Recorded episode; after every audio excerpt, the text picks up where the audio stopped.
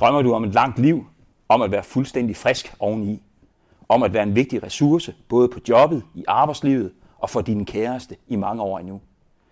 Har du oplevet bekymringen for at blive overhalet af en yngre kollega, som er hurtigere, bedre uddannet, eller måske begge dele? Hvis du kigger ud af vinduet nu, vil du måske se et menneske i løbetøj, en som cykler, eller en, der går tur med hunden for at holde kroppen fit. Men hvad med opmærksomheden på hjernen? Det fuldstændig fantastiske kraftcenter, som koordinerer hver eneste detalje i din hverdag. Hjernen, som også kan sætte en stopper for alt det gode livet, som vi holder så meget af.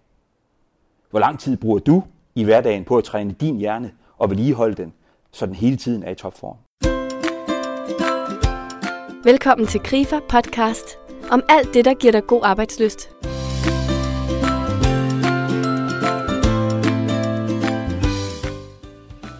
Stig Bramming er speciallæge, tidligere professor i Oxford og vicedirektør i Novo Nordisk, samt direktør for en international fond i London, der fokuserer på forebyggelse af kroniske sygdomme.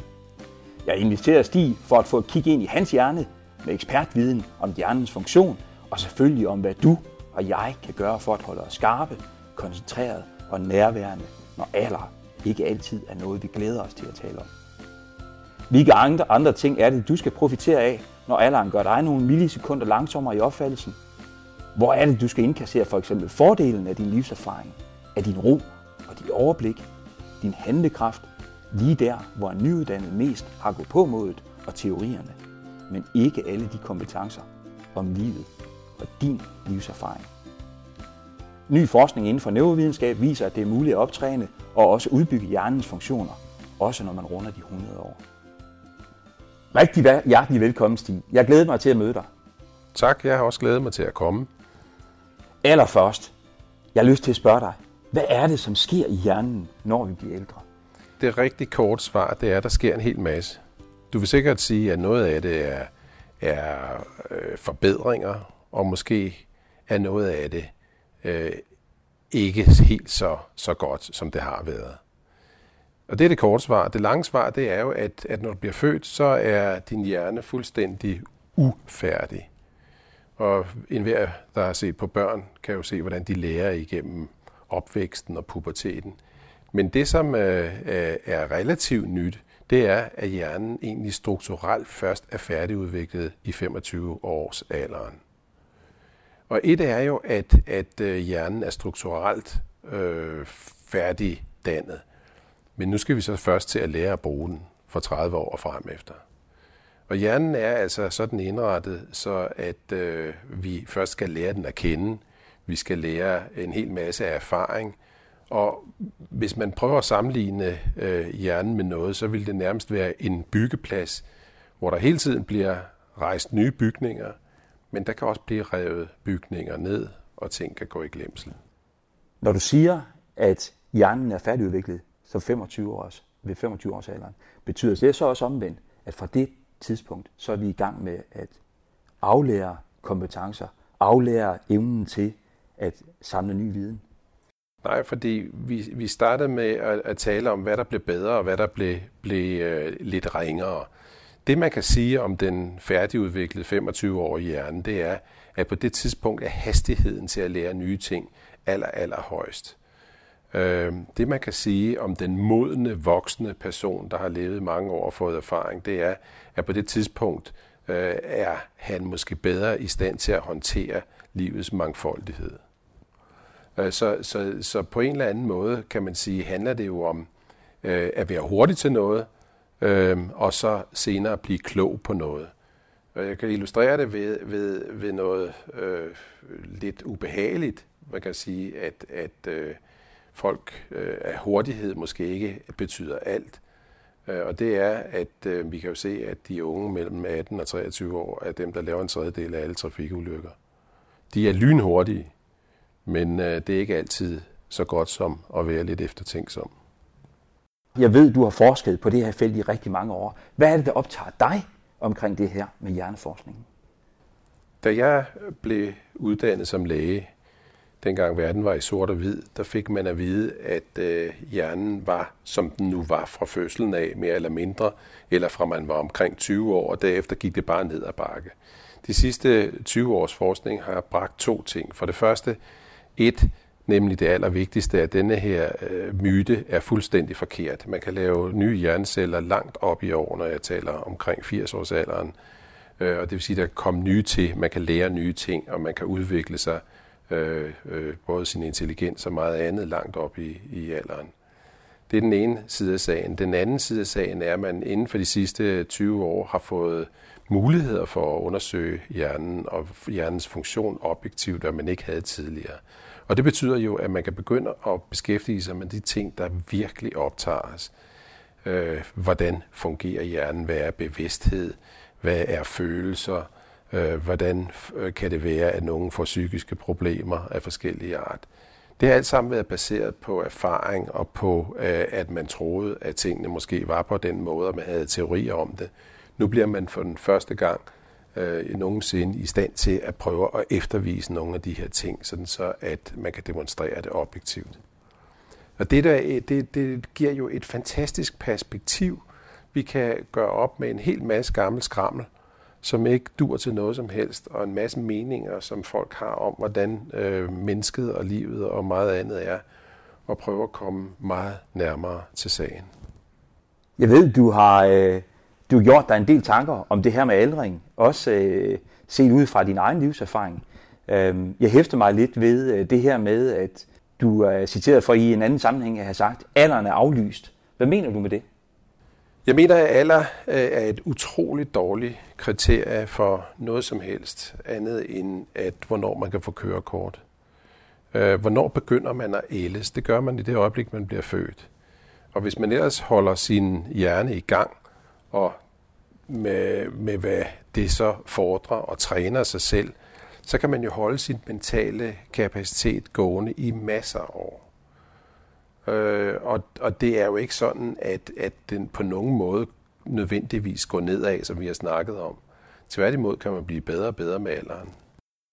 Hvad er det for eksempel for nogle situationer, hvor livserfaring og aldring kan gøres bedre?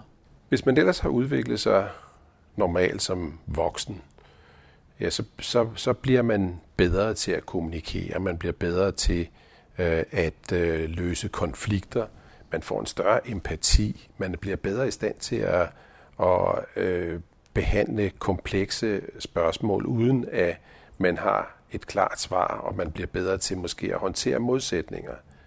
Alt sammen ting, som i virkeligheden jo burde kunne udnyttes på arbejdspladserne, men som ikke er noget, man, man der vil er rigtig ofte i hvert fald øh, tager hensyn til at tage i betragtning.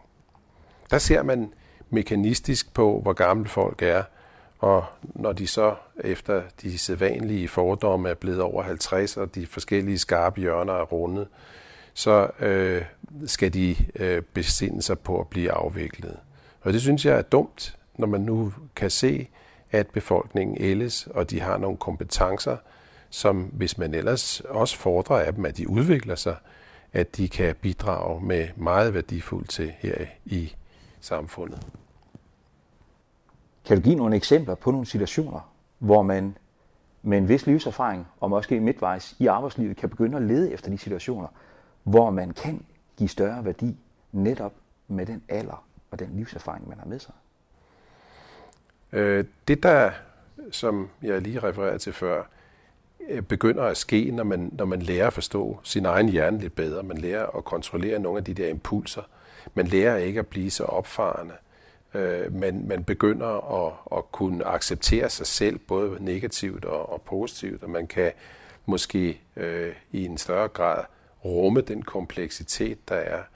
Og man er måske i virkeligheden også begyndt at blive mere åben over for ubevidste ting. Øh, så, så åbner man jo op for en, en, en meget bredere forståelse af, af tingene her i tilværelsen, og man bliver også i stand til at, at træffe nogle bedre beslutninger. Jeg kan give et eksempel. Øhm, det er ganske få år siden, at, at øh, en, en kap, kaptajn Skollenberg landede øh, sin flyver med omkring 200 passagerer på Hudsonfloden. Og hvis du har mulighed for at gå ind og, og, og se øh, det her klip på YouTube, hvor man har lavet animering af situationen, og hvor man, hvor man hører ham og hans samtale med kontroltårnet, så er han fuldstændig rolig. Han stoler på sin erfaring og sin kunde og sin træning, og han har vedligeholdt sine kompetencer. Han lander det her fly på Hudsonflodet, og 200 mennesker redder livet. Helt fantastisk. Kunne en ung pilot have gjort det? Næppe, siger de unge piloter. Fordi de har ikke den erfaring. De har ikke øh, endnu øh, trænet så meget i simulatorer, og de har måske frem for alt heller ikke den der evne til at bevare overblikket, som alderen kan give en, hvis man ellers bliver god til ting. Kan du nogle andre tilsvarende eksempler, som eksemplet på Hudsonfloden? Jamen, jeg synes da, at, at øh, et eksempel, øh, man kunne man nævne, hvis, hvis du, hvis du øh, ser en, en, en 22-årig øh, mandlig bilist, der knaller ind i et eller andet, vil han flå døren op og råbe i hovedet på dig. Hvad fanden tænker du på, mand? Hvis du ser en tilsvarende lidt moden person, øh, vil det første spørgsmål være, sket der noget? Øh, og, og det illustrerer måske øh, evnen til ligesom at, at se tingene i et lidt større perspektiv, som man kan få med alderen, hvis man ikke går i stå. Og det er der jo mange, der kan. Altså, vi, vi ved jo, at, at der er forskellige faser af livet. Du skal først lære øh, at være forskellig for dine forældre, så skal du lære øh, og, at have forhold til andre mennesker, reciprok forhold, så vil du gerne være til gavn for samfundet og komme ud og få et arbejde. Du identificerer dig med det arbejde meget godt. Øh, og så kommer der et tidspunkt, hvor du bliver lidt mere traditionsbærende, efter at du har fået børn, og du har, du har hjulpet dem med opvæksten.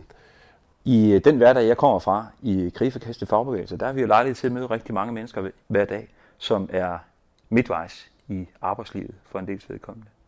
Jeg tænker, om du måske også selv har mødt den indstilling, som hedder, jeg har ikke længere de unges hurtighed. Jeg kan ikke længere lære noget nyt. Hvad tænker du om den jeg, jeg tænker, det var, det var sådan set det, der tændte mig. Øh, da jeg lige pludselig af forskellige årsager øh, kiggede mig selv i spejlet og opdagede, at jeg havde taget rynker på, var blevet gråhåret og havde tabt en del hår, og lige pludselig stod for egentlig at skulle gå på pension, så tænkte jeg, hvorfor skulle jeg det? Det havde jeg ikke lyst til. Og øh, når jeg sådan tænkte lidt efter, øh, hvor gammel ville jeg egentlig være, hvis jeg ikke vidste, hvor gammel jeg var, så kunne jeg da i hvert fald trække øh, måske 15 år fra den alder, som jeg egentlig havde på dåbsattesten øh, i den her sammenhæng. Og det fik mig sådan set til at tænke over de her ting på en ny måde, fordi det kommer snigende på en. Det kommer snigende øh, fra 50-årsalderen. Man snakker om skarpe hjørner og, og det ene og det andet. Og dels er det noget, der foregår ind i en selv, at man har en forventning til, at nu skal man begynde at opføre sig på en speciel måde, fordi man er kommet op i alderen. Men også for omgivelserne. Der er et enormt øh, forventningspres for, op, og for omgivelserne øh, over, at, at man, nu skal man gå i stå, nu skal man afvikle, nu skal man nedtrappe, nu er man øh, slidt sønder og sammen, og du er ikke rigtig til noget som helst, som en gammel sofa fra IKEA i 80'erne. Men sådan føler vi os jo ikke. Langt de fleste af os. Hvis du nu kunne åbne pandelampen ind til, ind til din hjerne, hvad er det så, man ville se rent fysiologisk, som er anderledes nu end tidligere?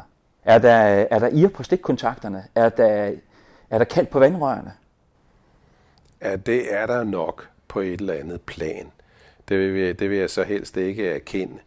Øh, men, men der er der ting, som, som jeg er blevet langsommere til. Øh, men men øh, det, som, som måske er, er øh, kunne gøre forskellen, var, at der også skete nogle positive ting. Jeg, jeg, vi talte tidligere om modning, øh, og, og, og det, at, at man modnes, gør jo, at, at man får områder i hjernen til at arbejde bedre sammen. Man får en bedre fordeling mellem højre og venstre side af hjernen, øh, og, og, og man, man bliver i stand til at træffe nogle, nogle mere komplekse beslutninger, hvor man får flere aspekter med i samme sag. Og derfor vil man sikkert kunne se et, en, og det kan man i hvert fald se hos, hos øh, lidt ældre, at, at når de tager beslutninger om noget, så øh, bruger de mange flere forskellige øh, netværk i hjernen, end, end øh, hvis du kun har en rød og en grøn at trykke på. Ikke? Jeg ved, at man i dag, øh, blandt den hjerneforskning, som du også selv har beskæftiget dig med, taler meget om realtidsmålinger af aktiviteten i hjernen. Er det noget, du har beskæftiget dig med? Nej, jeg, jeg er jo som sådan ikke hjerneforsker øh, i den forstand. Jeg har bare en, en kærlighed til hjerner og til forskning, som jeg har kombineret. Øh, og, og jeg vil heller ikke øh, våge den påstand, at, at der ikke sker nogen ændringer af mere, hvad kan du sige, negativ art øh, med alderen. Øh, fordi det gør der jo. Øh, hvis du snakker med folk, øh, som er øh, i 60-70 års alderen, så vil mange af dem sige, at de har svært ved at huske navne. De har også svært ved at øh, rumme øh, forstyrrelser. Altså, de er ikke så gode til at sidde i storrumskontorer, for eksempel. Øh, de, er, de har svært ved at holde flere bolde i luften på én gang. Men det, der er det fascinerende, det er, at lige netop de ting er noget, man kan træne. Man kan træne det dels ved, at der er begyndt at komme nogle, nogle spil, øhm, og, og i den sammenhæng vil jeg da lige nævne et, der hedder Neuroracer, som var i Nature, som er det fineste videnskabelige tidsskrift for, for et halvt års tid siden, hvor man havde trænet en gruppe øh, 60-80-årige borgere, som man havde lavet spille det her spil øh, øh en, en 10-20 minutter om dagen i, i fire uger. Og, og, og det medførte, at når man sammenlignede dem med en gruppe jævnaldrende, så blev de meget bedre til at huske og til at øh, holde forskellige ting i hovedet øhm, på samme tid og agere alligevel adekvat. Øh, og, og, og det viser jo klart, at, at øh, det er noget, man faktisk kan træne. Det, der er det fantastisk spændende ved det, er, at selvfølgelig var det interessant, at de blev bedre end deres jævnaldrende, der ikke trænede, men det, der synes jeg var allermest sjovt, det var, at de blev bedre end en gruppe på 20 år, der prøvede det samme spil, men som ikke havde trænet ganske vist. Og jeg er da overbevist om, at hvis de 20 år havde trænet lidt, så kan det da godt være, at de kunne slå de 60-80-årige. Men igen, øh, et er hastighed, et andet er at trykke på den rigtige knap. Øh, og, og, og derfor kan det da godt være, at, at, at evnen til, til øh, at respondere meget hurtigt, evnen til at slå små børn i memory, den, den bliver negativt påvirket. Men det er jo ikke nødvendigvis det, der gør forskellen. Det er jo måske ikke det, der er det, vi skulle fokusere så forfærdeligt øh, meget på, men vi skulle prøve at se på den positive side af sagen. Det, som folk bliver bedre til. Når du siger sådan, så får det mig til at tænke på en metafor, som i hvert fald ofte er anvendt i sportens verden, når man, hvis man for eksempel siger fodbold eller andre holddiscipliner, øh, hvor man øh, ofte hører en øh, kommentator bruge udtryk i retning af, han har ikke længere den samme hurtighed i antrittet, men han har en rigtig fin evne til at placere sig, være præcis der, hvor bolden kommer. Er det det samme fænomen? Ja, det er det jo. Det er jo det, er jo det der, der kendetegner erfaring. Ikke? Altså, der er jo en gudsbenået italiensk fodboldspiller, som jeg ikke kan huske, hvad hedder, Pirello eller Piero eller sådan noget den stil, som jo her ved verdensmesterskabet serverede den ene lækre øh, afleveringer foran, foran en eller anden ung mand, der bare skulle falde over bolden, og så røg den ind i mål. Øh, og man kan jo sige, at han er jo lige så, er lige så vigtig for, for spillet, som, som, øh, som den unge mand, der skyder bolden i mål der. Øh, det andet, det er, at, at øh, hvis du snakker med folk, der har spillet tennis for eksempel i mange år, så siger de, at de kan godt være, at de ikke er så hurtige mere, men til gengæld ved de, hvor bolden kommer. Hvorfor er det, du er så optaget af det her fokus på vores fysiske vedligeholdelse? Det er jo ikke nyt, at der er tale om, at vi bruger mere og mere tid på fitness, øh, sund mad osv. Men hvorfor er det, at du er så optaget af, at det her med hjernesundhed, det bliver bragt i spil? Det er fordi, at hjernen er en utrolig vigtig del af kroppen. Og, og, og der er ingen tvivl om, at, at fysisk aktivitet, som du refererer til der, øh, er helt afgørende for evnen til at lave nye hjerneceller. Det er en meget væsentlig del af kroppen, men det har bare været sådan, så at man ikke har indtænkt øh, kroppen. Men hvis du ser på al, øh, alle de bøger, der kommer, så er det altid noget med hjertesundhed, og man skal ikke dø for tidligt, og man skal ikke få, få sukkersyge, og man skal ikke dit, man skal ikke datten. Men, men hvad er fornøjelsen ved at leve meget længe, hvis man ikke er ved sine fulde fem? Den er i hvert fald ikke øh, så sjov, som hvis man kan holde sin hjerne i gang. Fordi hjernen bestemmer jo i meget vid udstrækning, hvem du er, hvad, din identitet er. Og i meget vid udstrækning også, hvad du kan foretage dig. Hvad du kan foretage dig. Hvad er det så, man kan gøre helt konkret i sin egen hverdag, øh, når man tænker på, hvad vi alle sammen har adgang til af muligheder for at træne vores kapacitet? Altså jeg, jeg kunne godt tænke mig, at vi, vi lige et kort øjeblik brugte metaforen en computer. Altså, vi kender jo alle sammen øh, den første computer fra Apple eller sådan noget den stil. Og når vi ser den, så trækker vi på smilebånd. Eller vi ser den gode gamle sorte telefon med ledning. Der er ikke nogen af os, der har sådan noget mere. Vi er alle sammen opdateret i programmerne. Altså hvorfor er det, at vores øh, hjerne ikke også skulle have et servicetilsyn, øh, øh, servicetilsyn og, og, og opdateres løbende? Det er helt, helt indlysende, at sådan må det være.